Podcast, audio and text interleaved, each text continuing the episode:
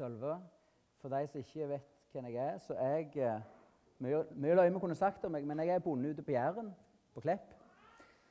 Jeg er utdanna teologprest. Jeg jobba tre-fire år som prest i Lundahaugen menighet, det er samt bymenigheten.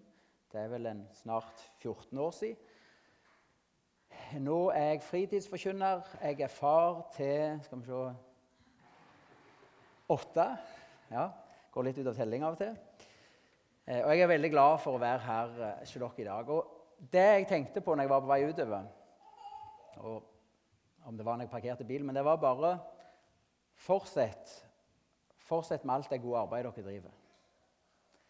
Eh, jeg har bare lyst til å starte med en sånn oppmuntring. Fortsett. Det er utrolig mye godt arbeid som skjer her og ut ifra her. Fortsett med det.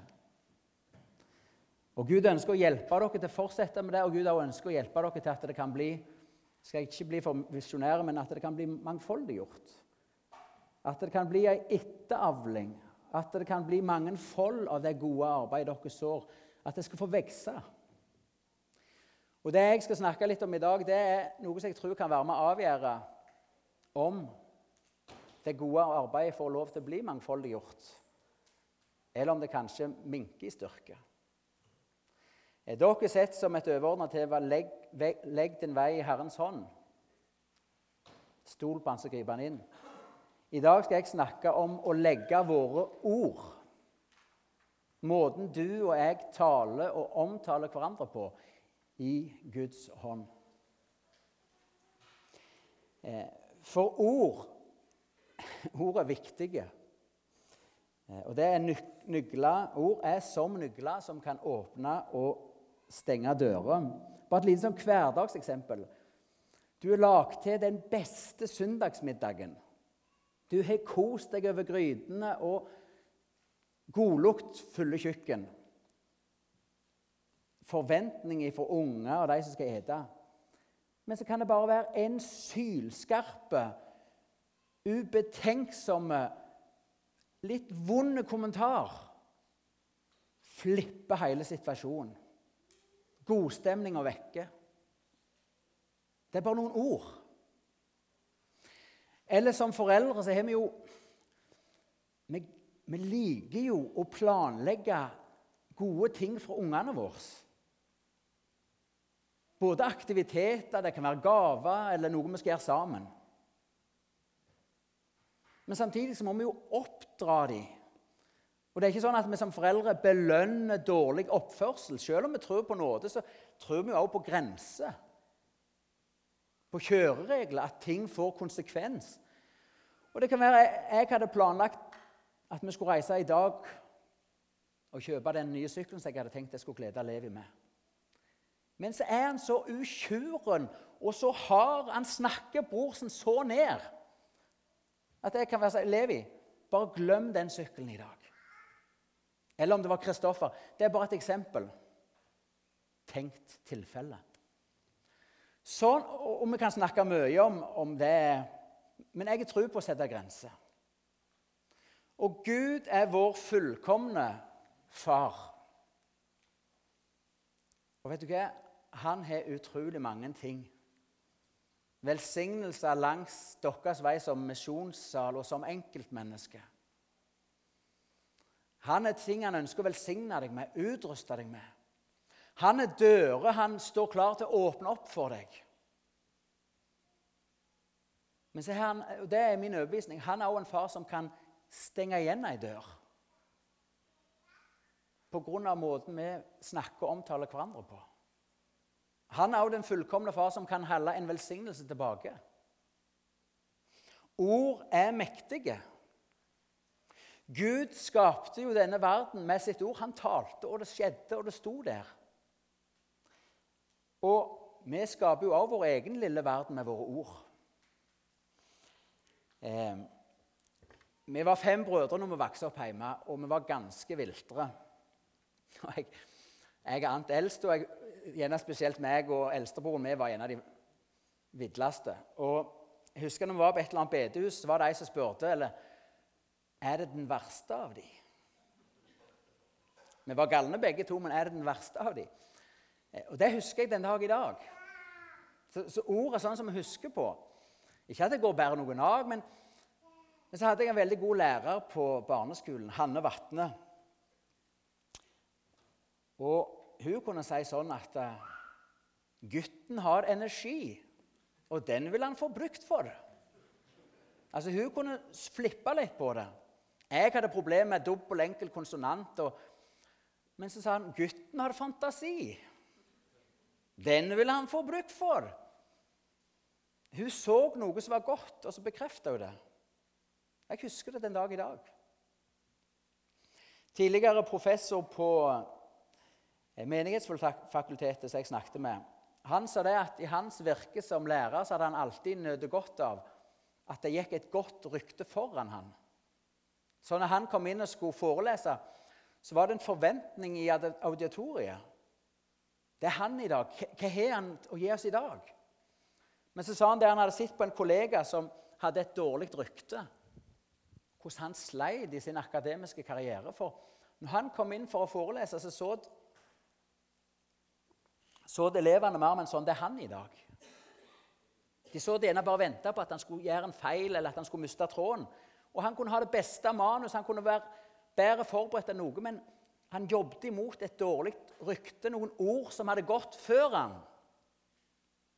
Noen ord som gjorde at studenter så og lette etter ikke en god avling, men, men noe ringt. Jakobs brev kapittel 3 så står det tunga er som en ild. En ild som kan sette den største skog i brann. Og Sånn er det med dine og mine ord. Vi kan brennmerke mennesker. Eller vi kan sette varme i dem. Vi kan ta ifra dem mot, eller vi kan sette håp i dem. Så det er et utrolig stort, Dette er bare en innledning. Det er et utrolig stort ansvar å snakke. Er du betrodd den evnen å kunne snakke, så er det et veldig stort ansvar du bærer. For ord er som såkorn. Vi kan så inn noe positivt i en tredje person om et annet menneske. Eller vi kan så inn noe negativt. Og Det vil være med for den personen om han leter etter gull eller grums i møte med denne. Et godt rykte, gode ord, kan gå foran og åpne dører, men de kan også gå foran og stenge dører. Um, vi skal se litt på det Bibelen sier om baktalelse i dag. Eh, for det er til så dårlige ord om andre. Det er det forberedte en dårlig høst. Og det er jeg overbevist om at, og dessverre, jeg møter det og ser det rundt i mange kristne miljøer. Jeg vet ikke hvordan det er spesifikt her i Misjonssalen.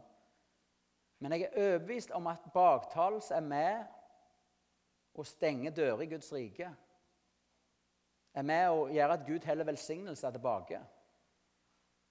For baktalelse fører aldri noe godt med seg. Det som skulle vært sagt direkte til vedkommende, eller kanskje heller aldri blitt sagt, det blir sagt bak ryggen.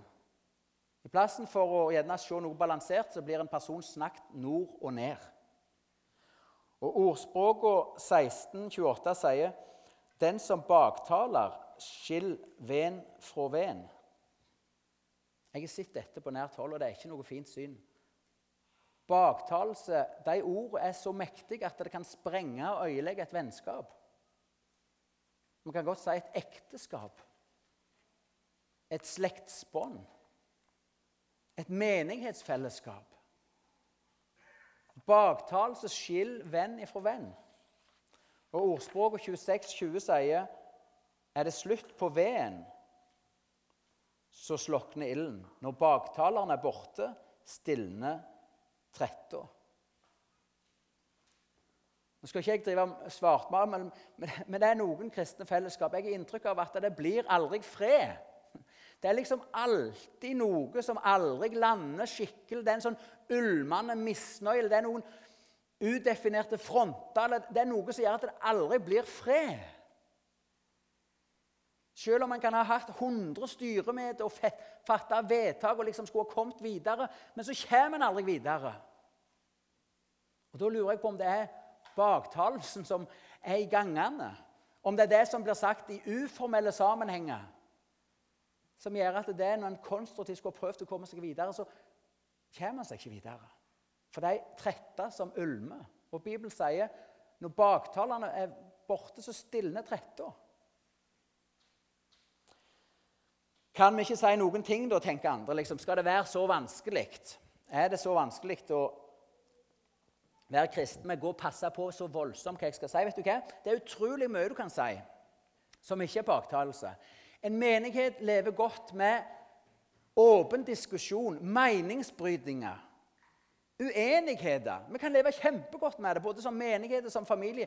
Vi kan, vi kan være enige om at vi er uenige. Så skal man likevel stå sammen om det som er bestemt. Det er utrolig mye som ikke er baktalelse. Du kan ha din mening, og du er full rett til å ha din mening.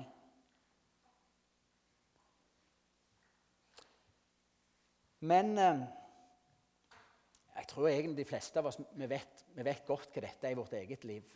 Når vi begynner å komme inn i gråsona til baktalelse. Når vi begynner å snakke noen ned. Når vi begynner å tillegge dem til meg dårlige motiv for det de gjorde som vi ikke var helt enig i. Vi vet når vi skulle bare tidd stilt. Så jeg tror at Hvis vi skal begynne med det som er helt klart for oss, så vet vi en del ganger at vi trenger å bare lukke munnen. Det hadde jeg skrevet her på første sida. Herre, sett vakt for min munn, og vern mine leppers dør. Salme 141, 3. Herre, sett vakt for min munn. Jeg tror Hvis du tenker etter, så er det en del situasjoner og sammenhenger der du trenger å be denne bønnen. Gud, sett vakt for min munn. Hjelp meg med, med mine ord, så jeg ikke sier ting jeg ikke skulle ha sagt.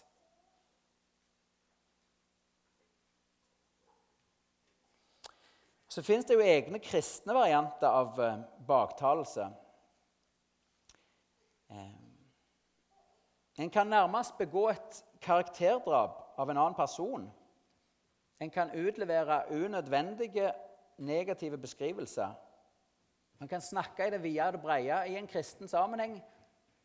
Og så kan han redde det inn med han trenger at vi ber for ham.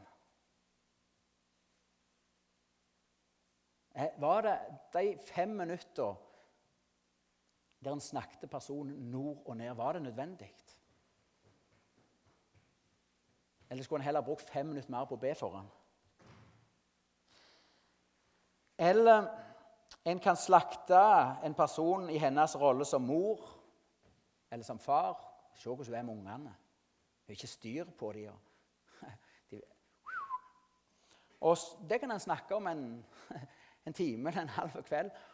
Og så kan en avslutte det med ja, men uh, hun trenger at vi inkluderer henne. Baktalelse er baktalelse, selv om du har en sånn fin overgangssetning til noe fromt eller kristelig. Det er like øyeleggende den såvaren vi strør ut og vi sier ja, vi skal be for han, eller ja, hun trenger at vi inviterer henne. Baktalelse skiller venn ifra venn. Når eh, Det nye testamentet omtaler baktalelse, så er det tydelig at det er uforenlig med livet som kristen. Paulus skriver sånn levde dere før. I baktalelse, i hor osv. Baktalelse er noe som tilhører det gamle livet. Det, det, er noe som ikke er rett og livsrett og rett på rom og plass i ditt og mitt liv som kristne. Eh, og når baktalelsen lever i en menighet eller kristen fellesskap, så er det tegn på åndelig forfall eller tilbakegang, om du vil. Eh, vi skal lese nå en tekst fra Efeserne kapittel 4 og vers 22. Og Det er en litt lang tekst, men vi tar oss tid til å lese den, og det er til 5-7. Lev ikke som før, men legg av det gamle mennesket som blir fortært av de forførende lystene.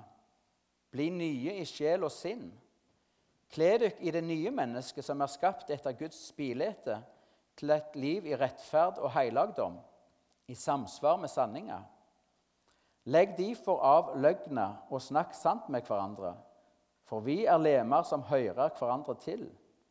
Blir det harme, så synd ikke, Og lat ikke sola gå ned over vreiden dykker. Gjev ikke djevelen rom.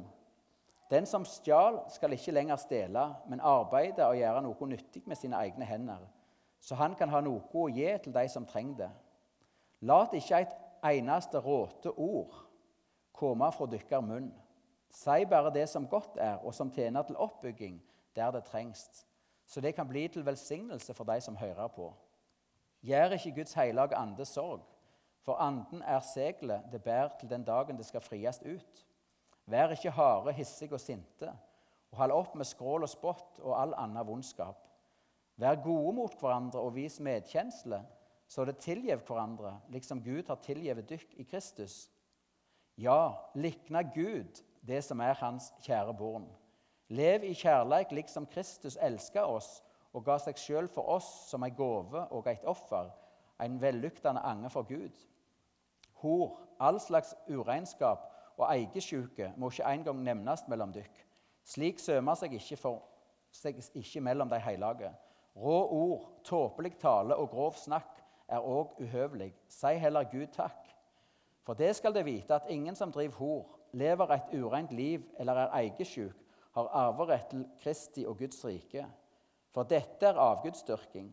Lat ingen narre dykk med tomme ord, for det er slik som gjør at Guds vreide kommer over de ulydige. Gjør ikke felles sak med dem.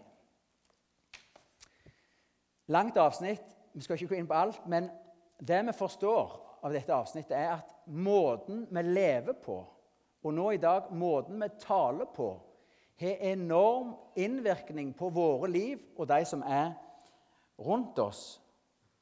Her blir vi stilt på valg mellom å kle oss i det nye eller det gamle mennesket. For det gamle mennesket er baktalelse helt naturlig. En ser ikke problem med det. Men for det nye mennesket så hører det ikke hjemme.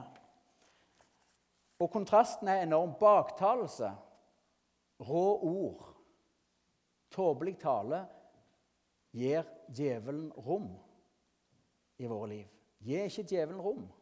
Sånn levde dere før. Så Det er liksom kontrasten. Vi kan drive på og dyrke baktalelsen og gi djevelen rom.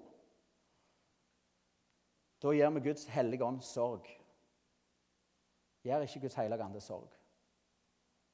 Eller vi kan omvende oss ifra baktalelsen, og det, det hører jo ikke det nye livet til, som er kalt å omvende oss.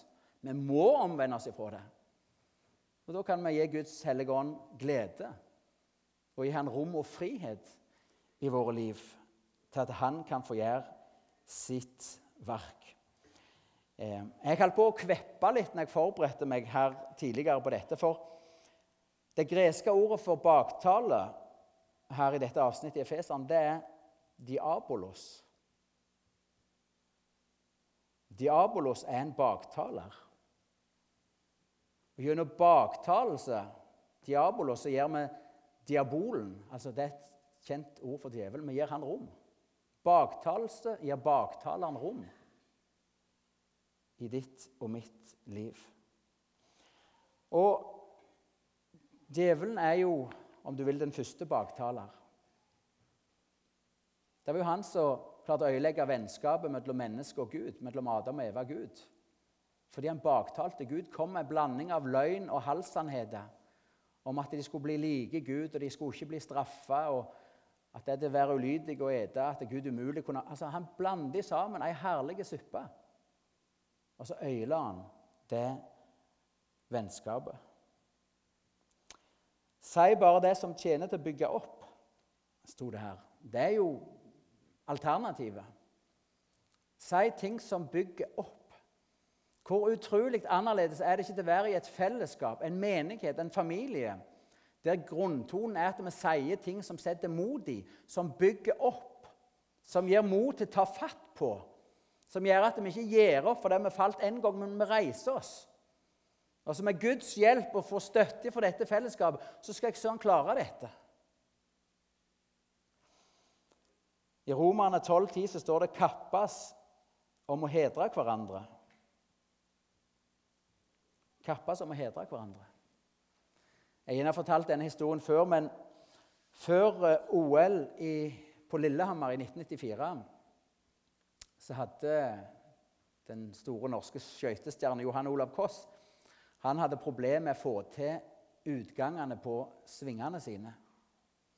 Og Treneren hans sto jo dag etter dag, time etter time for å sekundere og gi tilbakemelding. Johan Olav Koss, utgangene på svingen sitter ikke.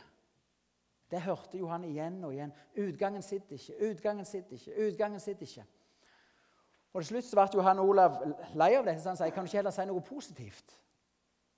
Og For den dagen så begynte treneren å si Johan Olav Koss, inngangen på svingen din er helt rå. Inngangen på svingen din sitter. Og Mange av oss kjenner fortsettelsen på denne historien.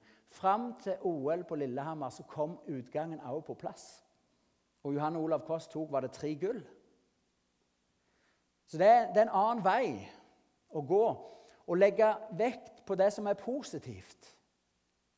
I plassen for å tenke at vårt kall er å fordømme hverandre flest mulig ganger, så kan vi velge å styrke det som er positivt. Legge vekt på det som tjener til å bygge opp. Ja, så skal vi i kjærlighet av og til få gå i rette med hverandre. Men grunntonen, liksom arbeidsfellesskapet som en menighet og en familie skal være, det må jo være at vi hjelper hverandre gjennom å styrke det som er godt. Sånn at det som ikke er godt, blir dreien med gjennom svingen. Så både inngangen og utgangen sitter.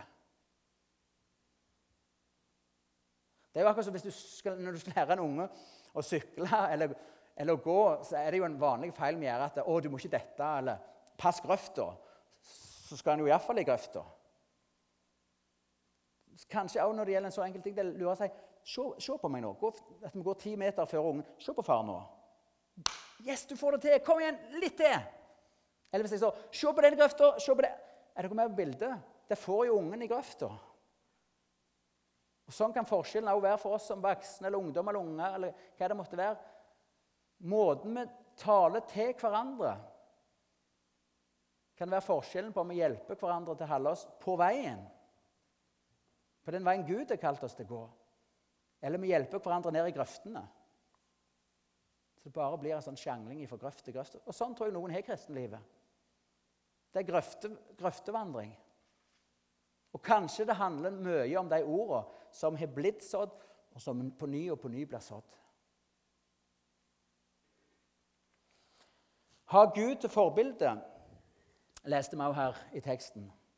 Dere som er hans elska barn. Ha Gud til forbilde, dere som er hans elska barn. Det var et fint fokus. Ha Gud til forbilde. Du som er hans elska barn. Hvordan var Jesus? Det vi kan si 100% sikkert, er Jesus baktalte aldri. Ikke en gang. Det var ikke sånn at han tok med seg Peter, Jakob og Johannes opp et høyt fjell, og så snakket han de ni andre disiplene ned. Og Det er jo vår erfaring også med Jesus. Det er jo ikke sånn at når vi er i lønnkammeret med han, og han åpenbarer og vise oss enten ting i sitt ord eller ting inn i livet vårt, så er det ikke sånn at han viser grums inn i andre sitt liv. Det er liksom ikke det som er høyderen i hørdestunden med Jesus når vi er alene med han. Nei, sånn er ikke Jesus. Aldri. Har Gud til forbilde. Dere som er hans elska barn. Og Det er et stort alvor i Bibelen når den omtaler baktalelse. Det står i Matteus 12, 36 og 37. Det sier jeg dykk, hver unyttig ord som folk sier, skal de svare for på dommedag. For etter ordene dine blir du frikjent, og etter ordene dine blir du felt. Før det så Jesus snakket om at det er hjertet fullt med, det taler munnen. Så hvis din munn skulle være ganske fullt av baktalelse, så er det noe i hjertet ditt som ikke er greit. For det starter der nede. Trangen til å rakke andre ned eller finne feil eller være hardt dømmende og ikke konstruktivt oppbyggende. Og Det står i 1. Korinterne 6,10.: Baktalere skal ikke arve Guds rike. En annen oversettelse står det 'spottere'. Men er det håp for noen av oss? Når Bibelen taler om de som gjør dette Det greske ordet er de som praktiserer dette. De som har dette som praksis. Og så har Bibelen ulike lister over ting som diskvalifiserer oss fra å arve Guds rike. De som har dette som livsvei, som sett vane, de som lever på denne måten at baktalelse ja, det er deres måte å bruke munnen sin på. Så alvorlig er det. De skal ikke arve Guds rike. Og Ordspråket 10.19 sier 'Den som snakker mye, synder lett'. Den som snakker mye, synder lett. Kanskje de av oss som liker å snakke godt, kanskje vi trenger ekstra be Herre, vern mine lipper. Sett vakt for mine lippes port. Så de ordene jeg taler, ærer deg, Jesus. Jeg vil gi dere en konkret utfordring. Ei uke uten baktalelse.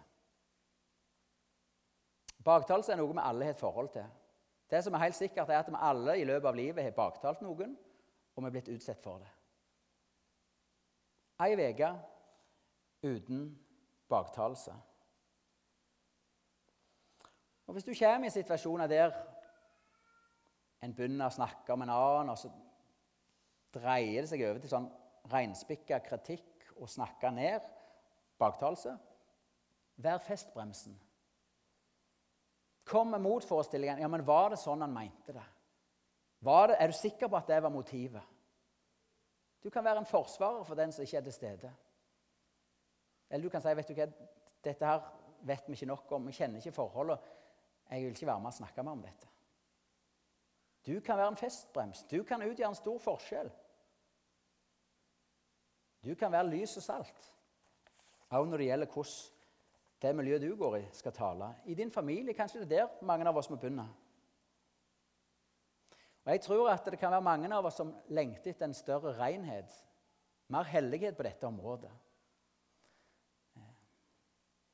Kanskje så gradvis underveis er grenser blitt flytta for hva snakk du kan være med på. Det du for fem år siden, eller tre år siden, eller 15 år siden aldri ville tatt del i, kanskje nå faller det naturlig. Det er jo bare litt snakk. og Hvem er vel fullkommen? Nei.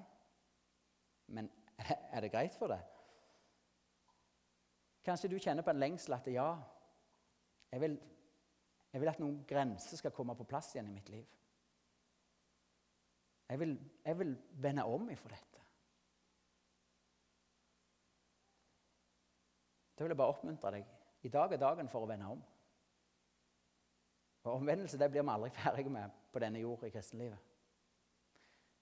I dag er dagen kanskje for deg til å flytte adresse. Ordspråket 28, 13 så står det Den som skjuler sine synder, går det ikke vel. Det har vi mange erfaringer med.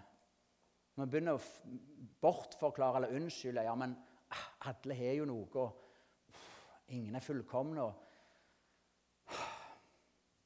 kan ikke være så vanskelig å være kristen. Og så bare lefler vi med synd, og så fortsetter vi å baktale. Så volder vi Guds åndssorg, så snakker vi andre mennesker ned. Så gir vi djevelen rom. Og så lurer vi på hvorfor vi ikke kommer oss av flekken. I dag kan være dagen for å flytte adresse i dette verset, for sånn fortsetter det. Den som skjuler sine synder, går det ikke vel. Det er ei guddommelig lov. Den som bekjenner sine synder og vender seg fra dem, han finner barmhjertighet. Er det ikke fantastisk? Det er to adresser. Du kan velge første halvdel eller siste halvdel. Hvor vil du bo? Gud vet det jo uansett hva du bedriver og hva du gjør. Vil du skjule, bortforklare, eller vil du bekjenne, vende deg vekk og finne barmhjertighet? Første gang jeg hørte dette her oppstilt sånn, det var i en Marie Monsen-bok. Fantastiske dame misjonær i Kina for Kinamisjonen, nå eh, NLM. Og Hun delte dette. Han fikk flytta adresse. Konkret en som hadde forsøkt å skjule sine synder. Men så fikk han hjelp til å se sin synd og bekjenne og få møte Guds barmhjertighet på ny. Ord er mektige. Jeg starta med å si det. De skaper noe. Det kommer, det kommer en avling ut av det du og meg snakker. Ordet såkorn. Og de åpner og stenger dører. Sånn er det òg i Guds rike. Sånn er det òg for en kristen. Misjonssalen, dere står foran ei utrolig spennende tid. Eh, jeg er veldig glad for å kunne følge med på hva, hva vil Gud gjøre. Hva vil Gud gjøre gjennom dere? Brannstasjon.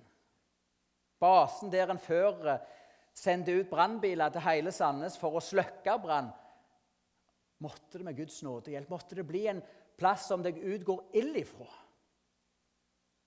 Som kan tenne ild rundt i sand. Det er jo visjon, det er jo det vi drømmer om. Hva har Gud for dere? Vet du hva? Jeg tror han har mer enn vi kan ane.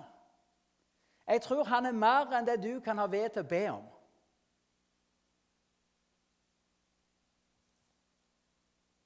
Han er utrolig mye. Som han har tenkt, som han vil. Ikke kast vekk denne arven.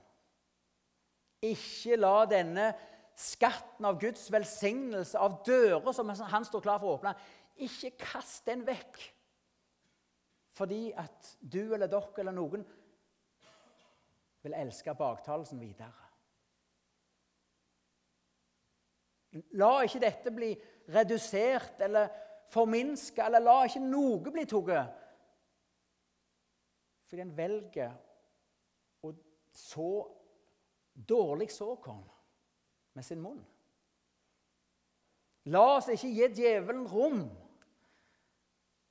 men, men la oss gi Gud ære og Den hellige ånd glede med måten vi setter mot i hverandre, omtaler hverandre på. Bygger hverandre opp. Jeg tror at vi alle trenger å be Herre Herre, sett vakt for min munn. Vern mine leppes dør. Det er utrolig vanskelig å styre tunga og munnen. Vi trenger hjelp. og det, er god erkjennelse bare å innse det. Vi trenger hjelp. Og så er det nåde og hjelp å finne for den som vil ydmyke seg og bekjenne. Jeg har lyst til vi skal reise oss eh, alle og stå. Og så skal vi sammen si en synsbekjennelse som eh, ofte er blitt sagt gjennom åra i rammen av en gudstjeneste. Eh, kan være han er litt rusten for noen hver av oss, men jeg sier, og så kan dere gjenta Hellige Gud, himmelske Far. Se i nåde til meg, syndige menneske. som har krenka deg med tanker, ord og gjerninger. Og kjenner lysten til det vonde i mitt hjerte. For Jesu Kristi skyld. Ha langmodighet med meg. Og tilgi meg alle mine synder og gi meg å frykte og elske deg alene.